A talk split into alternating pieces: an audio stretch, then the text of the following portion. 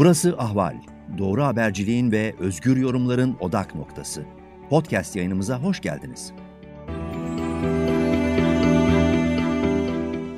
Merhaba Ahval dinleyicileri sıcak takipteyiz. Diyaneti konuşacağız. Bütçeden aslan payı alan ve yaptığı astronomik harcamalarla tartışmaların hedefinde olan Diyanet, bu kez sosyal medya için düzenleme istiyor. Diyanet'in devlet protokolünde genel kurmayın bir de önüne geçmesi, geçtiğimiz günlerde adli yıl ve yeni Yargıtay binası açılışında Yargıtay Başkanı ile beraber verdiği fotoğraf tartışmaları neden oldu. O fotoğrafta Yargıtay Başkanı, Diyanet İşleri Başkanı Ali Erbaş'la beraber dua ederek adli yılın açılışını yaptı. Yine Ali Erbaş'ın yaptığı açıklama çok dikkat çekti. O açıklamada Ali Erbaş, inanç sokakta olmasın, insanın içinde olsun, insanla Allah arasında olsun, evine, ticaretine, siyasetine, adaletine, yargısına yansımasın. Görüyorsunuz ortalığı ayağa kaldırıyorlar demişti. Bu açıklamada büyük bir tartışma kopardı. Peki ne oluyor? Diyanet neden bu kadar ön planda ve hükümet neden buna izin veriyor? Hepsini ilahiyatçı yazar İhsan El Açık'la konuşacağız. Merhaba İhsan Bey, hoş geldiniz yanınıza. Merhaba, hoş bulduk. Ee, siz bugün gelinen tabloya baktığınızda Diyanet'in son açıklamalarını ve sosyal medya çıkışını nasıl değerlendiriyorsunuz? Şimdi Diyanet İşleri Başkanlığı e, mevcut e, hükümet e, zihniyeti ve programı içerisinde bir başka anlam ifade ediyor. E, bunu ikiye ayırmak lazım. Birincisi Diyanet'in e, siyaset tarafından kullanılması. İkincisi de Diyanet'in savunduğu dini görüşler. Ne kadar doğru, nereye kadar doğru? Bunu iki e, etapta ele alabiliriz. E, birincisi Diyanet'in siyaset tarafından kullanılması olayını yaşıyoruz. E, mevcut hükümet direkt dini konulara giremiyor. Ayet, hadis okamıyor, okuyamıyor. Aslında bunları çok istiyor. Hem halk nazarında e, dinler e, birileri görünümü vermek için hem de e, muhalefeti dini alana çekmek için bunu bir siyaset olarak izliyorlar. Çünkü muhalefeti siyaset alanına çekerlerse e, muhalefetin e, e, dinle ilgisi zayıf olduğu için hele hele CHP'lerin e, bol bol dini hatalar, ayete hadis, hadise ayet demeler, halk nazarında e, gülüş duruma düşmeler söz konusu olabileceği için bu sahada at koşturmayı işte meslekten de yetişmiş olarak kendini görüyor. İmam Hatip mezunu, ilahiyat mezunu bir diyanet, cumhurbaşkanı. Dolayısıyla burası bizim alanımız diye düşünüyorlar ve e, muhalefeti özellikle CHP'yi buraya çekmeye çalışıyorlar. Ve CHP'nin de burada söyleyeceği bir ses yok. İşte laiklik deyip tutturacak başka bir şey yok. Oraya karışma, buraya karışma. Layık layıkır deme dışında bir şey söyleyemeyeceği için bu da ona sürekli puan getireceği için muhafazakar kitleyi konsolide edeceği için dine birazcık ilgi duyan, birazcık içinde inancı olan herkesin kendine doğru bir mıknatıs gibi çekeceğini düşündüğü için bu alanda at koşturmayı siyaseten uygun görüyor. Bunu da direkt kendisi yapsa tartışmalara sebebiyet vereceğinden dolayı sık sık Diyanet İşleri Başkanlığı ön plana çıkarıyor. Çünkü sonuç itibariyle Diyanet İşleri Başkanı işte Atatürk'ün kurduğu bir kurum. Diyanet İşleri Başkanı devletin Diyaneti yapmasın mı kardeşim? Doğa yapmasın mı? Yani sizin, sizin, sizin derdiniz ne? Gibi halk nazarında böyle bunların derdi başka. İyisiz bunlar falan demeye getirecek bir e, bir oyun oynuyor bence. Böyle muhalefette böyle top atıyor, böyle geri dönüşü bekliyor, böyle oyun oynuyor. Ve bu alanlarda e, top koşturmayı çok seviyor. Bunun bir siyaset olduğunu, bizatihi Cumhurbaşkanı tarafından izlenen bir siyaset olduğunu, bu nedenle Diyanet'in ön plana çıkarıldığını, ikide bir de açılışlarda, orada burada konuşmalar e, yapılmasının istendiğini gözlüyoruz. Hı hı. Şimdi burada muhalefetin tutumu nasıl olmalı? Oraya ayrıca geliriz. Ben buradan hemen ıı, şeye geçmek istiyorum sorunuz üzerine. Diyanet'in dini görüşleri. Şimdi Diyanet İşleri Başkanı e, anlaşılan Cumhurbaşkanı ile bu hususta iyi anlaşılıyor. hangi hususta iyi anlaşıyor? İkisi de 1970'li 75'li yılların e, muhafazakar dini camialarının ortaokul seviyesinde bir dini bilince ve şuura sahipler. o yılların dini bilinci dediğimiz şey şudur. Ee, İslam gelecek, vahşet bitecek. İslami devlet kurulacak elbet. Ee, e, işte fuhuş arttı, zina çoğaldı, kumar oynanıyor, faizli bankalar var, kadınlar açık saçık giyiniyor, e, başımıza taş yağacak diyen böyle bir muhafazakar kafa bunun doğrudan doğruya Kur'an kültürüyle bir alakası yoktur. Bu bir muhafazakarlıktır. Aynısı İngiltere'de de var, Almanya'da da var, Rusya'da da var. Muhafazakarlar hep böyledir. Böyle geleneği, dini değerleri e, bilmeden e, fakat ondan bol bol yararlanarak ve onu ranta dönüştürerek kullanırlar. Şimdi Diyanet İşleri Başkanlığı'nın başkanının söylediği sözler o yılların e, e, biz Milli Türk Talebe Birliği Akıncılar Derneği'ne falan gider gelirdik. Böyle muhafazakar camialarda böyle şeyler konuşulurdu. İşte inancımızı hayata hakim kılacağız. İslam'ı hayata hakim kılacağız. Sokakta, ticarette, siyasette, devlette, ailede. Ee, yani tuvalete nasıl gireceğimizden, evden hangi ayakla, ayak, hangi ayakla sağlam sola çıkacağımıza kadar, ticaretten, siyasetten dış dünyaya kadar her şeye karışır İslam. Sadece vicdanlara hapsedilemez. Diğer bir tepkidir bu. Bu 70'li yılların dini muhafazakar tepkisidir. Hala o kafadalar. Ve hiç değişmemişler. 40 yıldır aynı yerde duruyorlar. Oysa dünya değişti. İslam anlayışı çok değişti. Mesela e, e, benim bana çok nostaljik geliyor bu Tayyip Erdoğan'ın dini lafları, Diyanet İşleri Başkanı'nın böyle inancımızı hayata hakim kılacağız falan sözleri çok böyle 40 yıl öncesini falan çok nostaljik geliyor. Ve bir taraftan da üzülüyorum. Şimdi ben 2003 yılında Adalet Devleti diye bir kitap yazdım ve bu geçmişle yüzleştim. Adalet Devleti, ortak iyinin iktidarı, 600 küsur sayfa. İslam devleti değil, adalet devleti.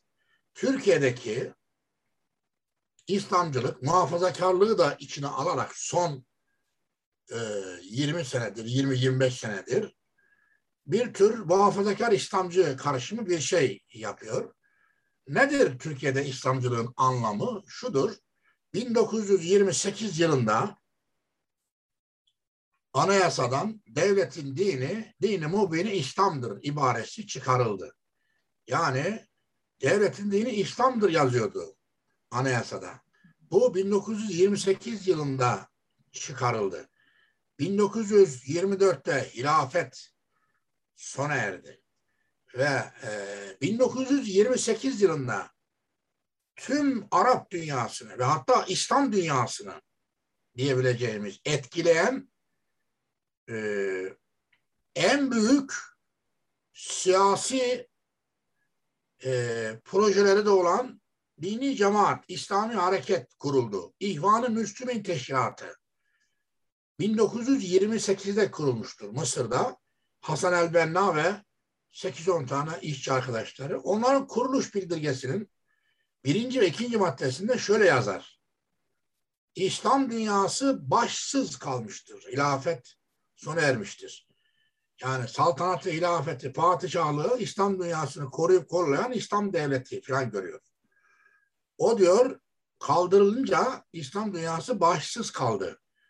Keza e, İslam devlet olmaktan çıkarıldı. E, devletin dini İslam artık yazmıyor. E, böyle bir akım başladı. E, bir an önce Müslümanların kendi halifesini seçmesi ve kendi devletine kavuşması gerekir. Bu nedenle İhvan-ı Müslüman hareketini başlatıyoruz dediler.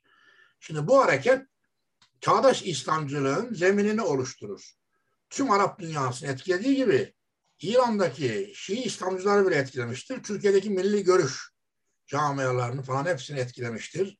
Mısır'da Seyyid Kutup, e, Pakistan'da Mevdudi, Türkiye'de Milli Selamet Hareketi, hareketi Necip Fazıl falan bunların hepsi e, devletin dini İslam'dır ibaresini dinsizlik olarak görürler ve e, bir an önce devleti ele geçirip ne yapıp edip iktidara gelip devletin dinini İslam yapmak isterler. Türkiye'deki İslamcılığın anlamı bu. Halbuki bu görüş gayet gerici bir görüştür ve Kur'an'la falan hiçbir alakası yoktur. Bir defa hilafet saltanat dediğiniz Bizans taklididir. Muaviye tarafından İslam dünyasına sokulmuş bir Emevi projesidir sizin bu padişahlık, hilafet dediğiniz. Ee, Hazreti e, Ömer halife kelimesini kullanmayı yasaklamıştır. E, halife-i Resulullah denmesini kabul etmemiştir Halife Ebu Bekir. E, Ömer ise halife kelimesini kabul etmemiştir ve emiril müminin denmiştir. Hilafet diye bir şey yok. Saltanat diye bir şey zaten hiç yok. Bunlar Sasani ve Bizans İmparatorluğu'nun İslam dünyasındaki tekrarından ibarettir.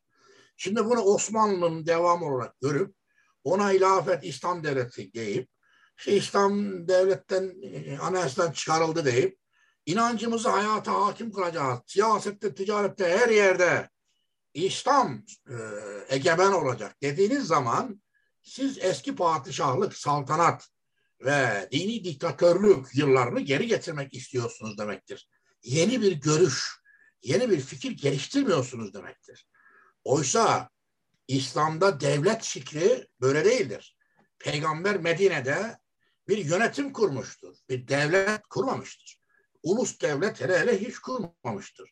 Hegemonik, başkasının hayatına dalan ve başkalarını hizaya çeken yukarıdan aşağıya hiyerarşik bir devlet düşüncesi peygamberin zihni kafasında yoktur. Kur'an'da da böyle bir şeyden bahsedilmez.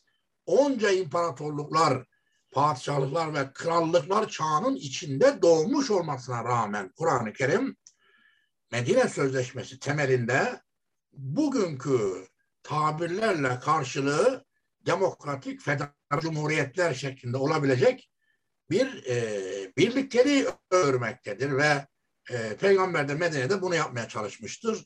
Liderliği kabul etmemiştir. Hegemonya zihniyeti yoktur. Ortaklık zihniyeti vardır e, yapılan şey devlet değildir. E, e, e, yönetime birlikte katılımdır. Aşağıdan yukarı e, her şeyin paylaşarak, görüşülerek eşitlikçi, adil, özgür bir toplumun kurulmasıdır. Şimdi eğer İslam adına savunacaksanız bunları söylemeniz gerekir. E, şimdi inancın hayata hakim kılınması fanatizm ve totaliterliği ister istemez getiriyor.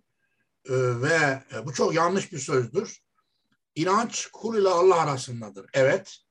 Ee, kesinlikle hayata, ticarete, siyasete, devlete karıştırılmamalı.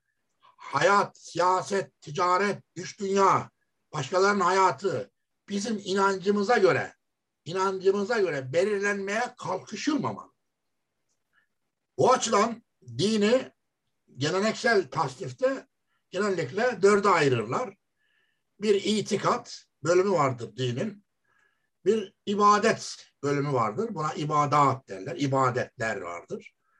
Bir e, muamelat vardır. Bir de ukubat vardır. E, itikat Diyanet İşleri Başkanı'nın inanç dediği şeydir. Allah'a, peygambere, kitaplara inanmak, cennete, cehenneme inanmak, peygamberlere inanmak, e, e, ölümden sonra dirilmeye inanmak. Yani bir takım görünmeyen, kanıtlanması mümkün olmayan, somut ve maddi olmayan şeylere inanç diyoruz. İnanç. Dinin inanç bölümü vardır. Buna eskiler itikat der, itikatlar denir.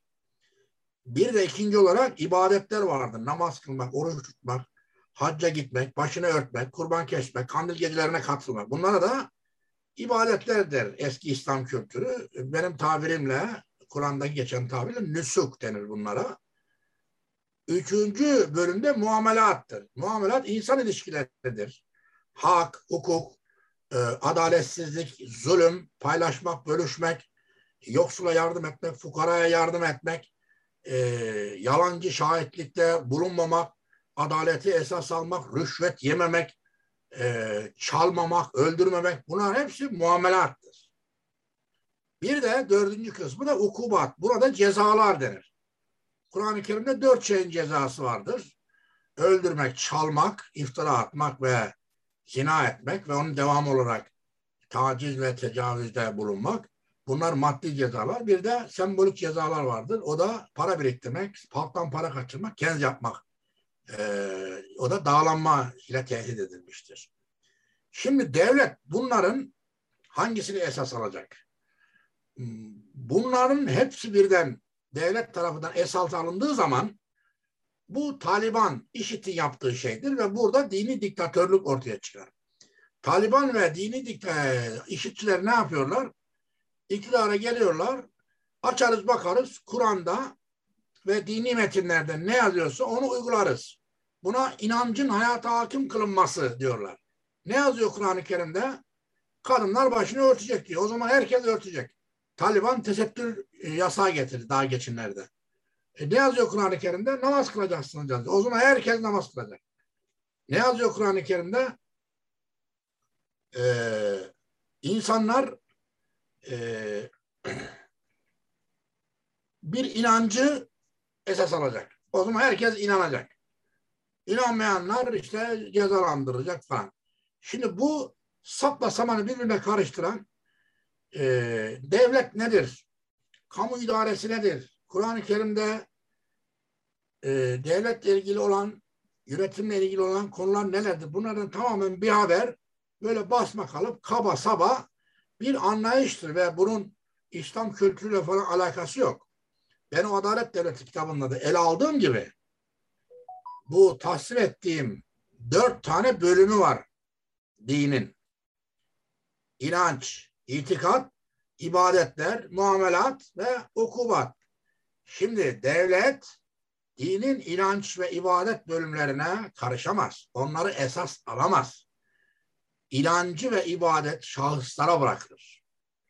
Devletin bu açıdan bir inancı, resmi bir dini yoktur. Devletin dini sadece adalettir. O zaman dinin muamelat kısmından adaletle uygun olanlar, evrensel değerler, öldürmeyeceksin gibi, çalmayacaksın gibi, iftira atmayacaksın, zulmetmeyeceksin, rüşvet yemeyeceksin gibi, fakiri fukarayı koruyacaksın, insanlara iyilik yapacaksın gibi. İnsanlığın evrensel değerlerinin de onayladığı, Kur'an'ın da bunları onayladığı ve tasvip ettiği konuları ahlaki bir ilke olarak devlet adamlarına bir din adamı önerebilir. Bunları esas alın. Bunlardan dışarı çıkmayın. Bu yolu takip edin falan der. E, devletlerin bunu takip etmesinde herhangi bir mahsur yoktur. Ukubat kısmı ise yani cezalar kısmı ise tarihseldir. Cezalarda e, gözetilen maksatlar evrenseldir. Mesela yaşamı korumak evrenseldir. Emeği korumak evren, evrenseldir. Hırsızı cezalandırmak evrenseldir. Mutlaka bütün hırsızlar cezalandırılmalı, bütün öldürenler e, cezalandırılmalı, yargılanmalı, bütün iftira atanlar, bütün taciz tecavüzde bulunanlar e, bu yaptıkları yanlarına kar kalmamalıdır. Bunlar evrenseldir. Ama bunlara ne ceza verileceği tarihseldir. E, Kur'an-ı Kerim diyor ki işte 100 tane sopa vurun, kısas uygulayın e, e, gibi e, hırsız yapan elini kesin gibi o dönemin Araplarının bildiği cezaları uygulayarak bu evrensel olan değerleri e, korumaya çalışılıyor. Şu anda devlete baktığımız zaman mevcut Türkiye Cumhuriyeti ceza yasası da e, tam da buna göre tasvip edilmiştir. Cana karşı işlenen suçlar, mala karşı işlenen suçlar, bu mal değil emeğe karşı işlenen suçlar olması lazım. E, ırza ve namusa karşı işlenen suçlar, e, şahsiyete, kişiliğe ve şerefe karşı işlenen suçlar diye ceza yasası dörde ayrılır. Bir de devlete karşı işlenen suçlar diye de ekleme yapılır. O da modern ulus devletinin gereğidir. E, diğerleri geleneksel din taksiminin aynısıdır. Önemli olan bunları korumak, kollamaktır. İnsanların malları, canları, ırzları, namusları, şerefleri koruma altına alınır. Ceza yasası da bunu söylüyor, Kur'an da bunu söylüyor, Tevrat, İncil de bunu söylüyor. E, Sovyetler Birliği'nin komünist anayasası da bunu söylüyor, Avrupa Birliği mevzuatı da bunu söylüyor. O zaman burada dururuz. bir din adamı bunları devlete önerebilir. Hiçbir mahsur yok. Ama İslam'ın kendine mahsus inançlarını, kendine mahsus ibadetlerini ve kendine mahsus bir takım cezai hükümlerini devlet eliyle başkalarına dayatamaz. Bunları insanlık buna uyacak, uymayanı hapse atarım, cezalandırırım diyemez. İşte işitçilerin, Talibanların ve e, birçok e, kendini İslamcı gören siyasi İslamcı tabirini ben pek sevmem. Siyasi dincilik yapanların birçoğu yani devleti ele geçirip onunla inancı hayata kal, hakim kılma, siyaseti, ticareti her yere demenin, diyenlerin bunu çok iyi bilmesi gerekiyor. E, bu ayrımı henüz yapabilmiş değillerdir.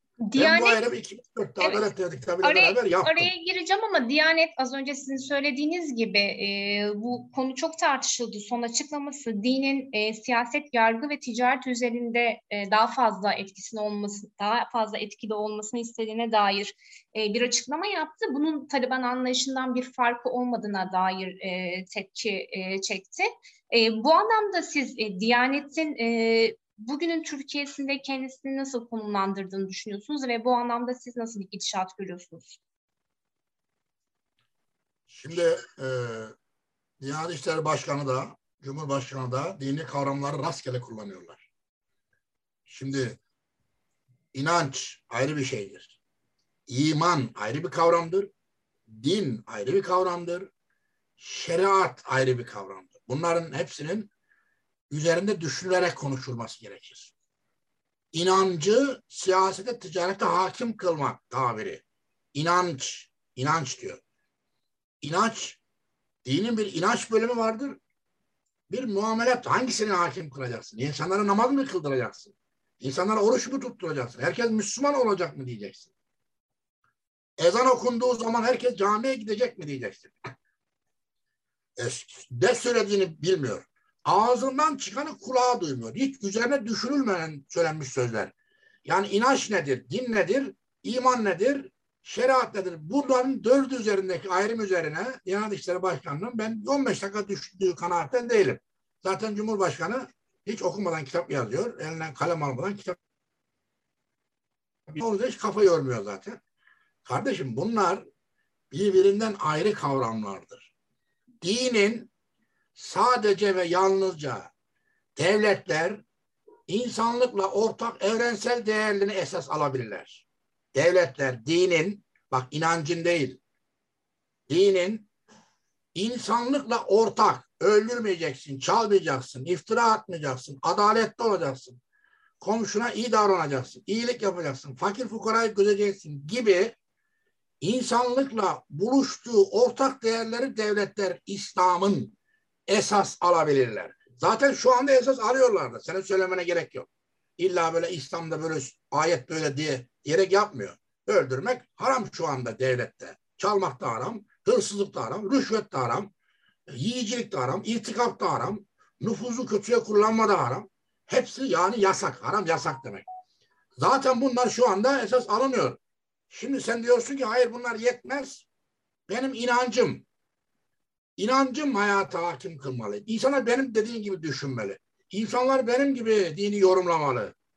Ee, bir tek hak din yorumu olmalı, diyanetin yorumu. Gerisi hepsi batıl ilan edilir o zaman. Ee, bu anlamda inanç devletten ayrı olmalı. İbadetler devletten ayrı olmalı. Cezalar devletten ayrı olmalı.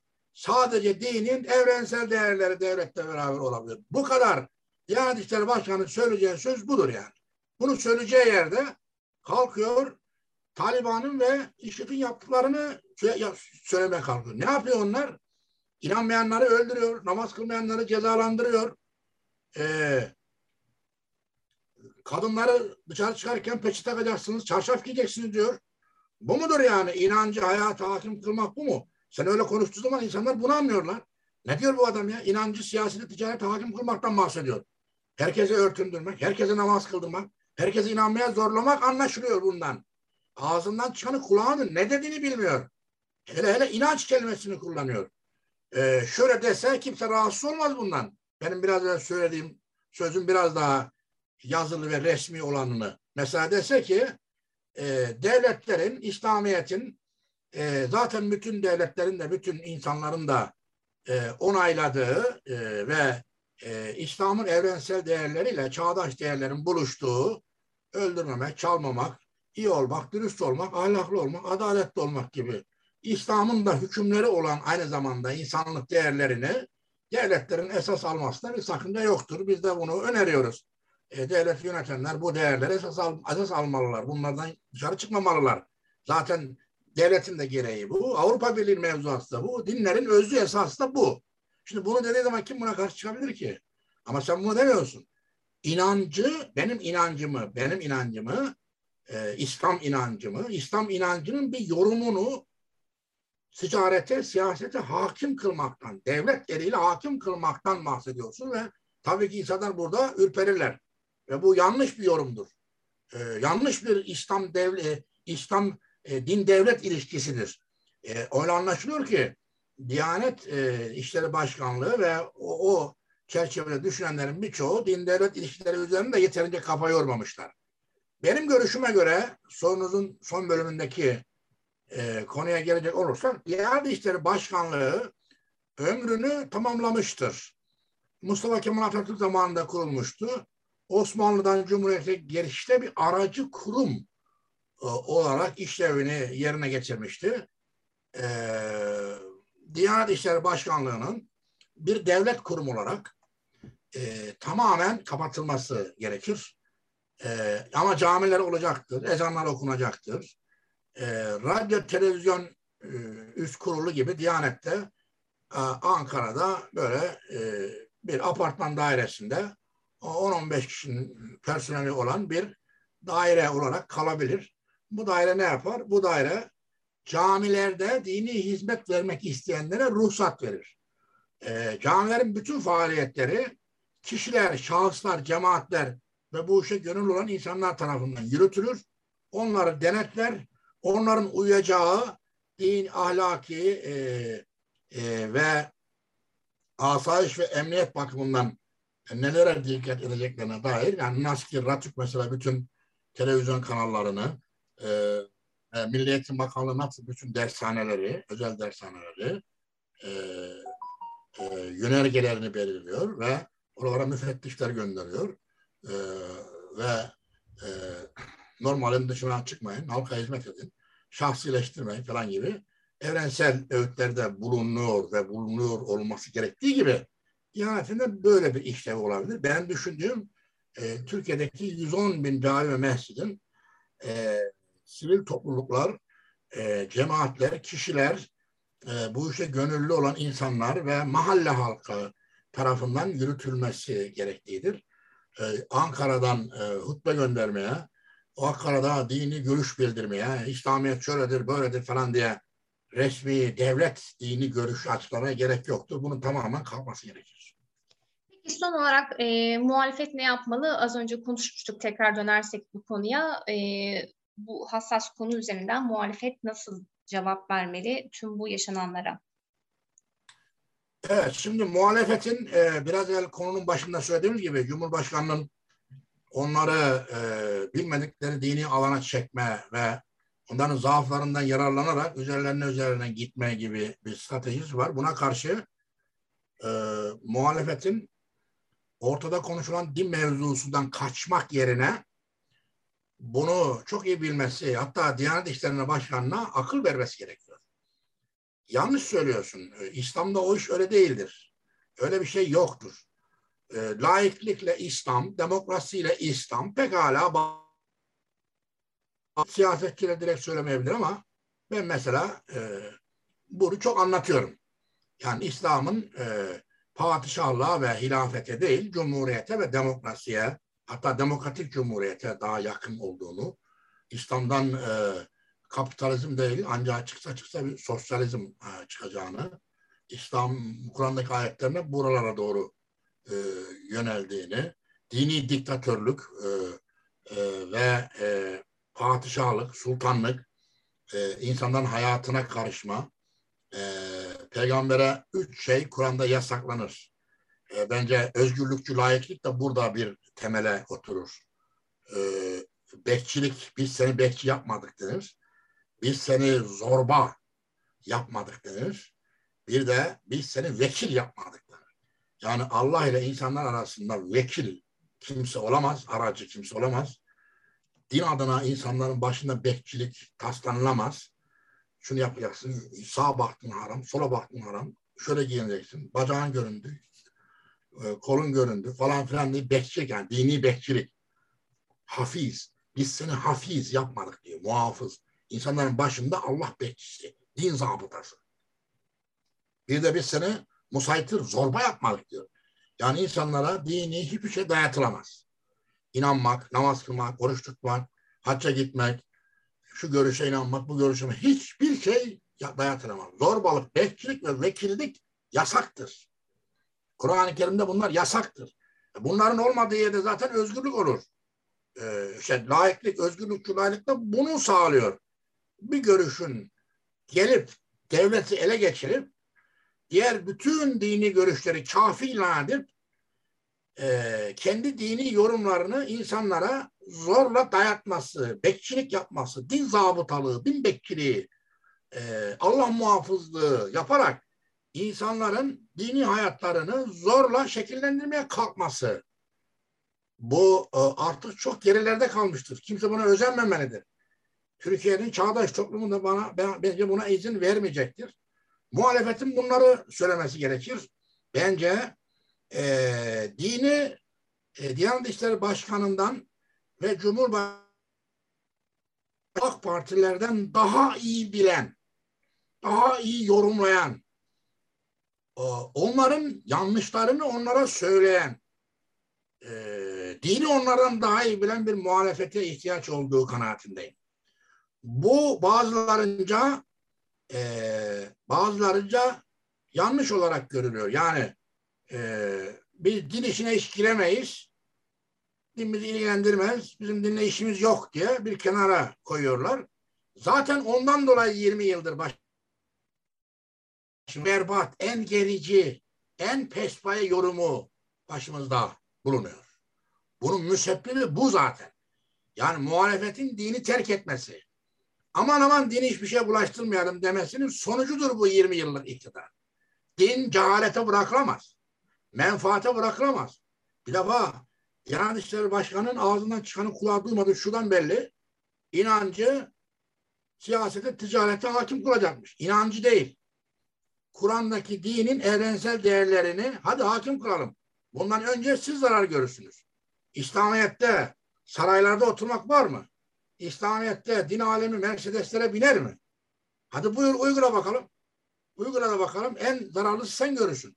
Bunlar işine gelmediği için onlar inancı hakim kılmak istiyorlar. İslam'ın evrensel iktisadi değerlerini değil. Yani namaz kılmak, örtünmek, hacca gitmek, e, namaz, e, oruç tutmak gibi dini ritüelleri kastediyor. Bunlar kolay. Bunlar zaten çoğunluk yapmıyor, biz yapıyoruz. Bunlara karşı çıkan dinden çıkmış gibi görülüyor.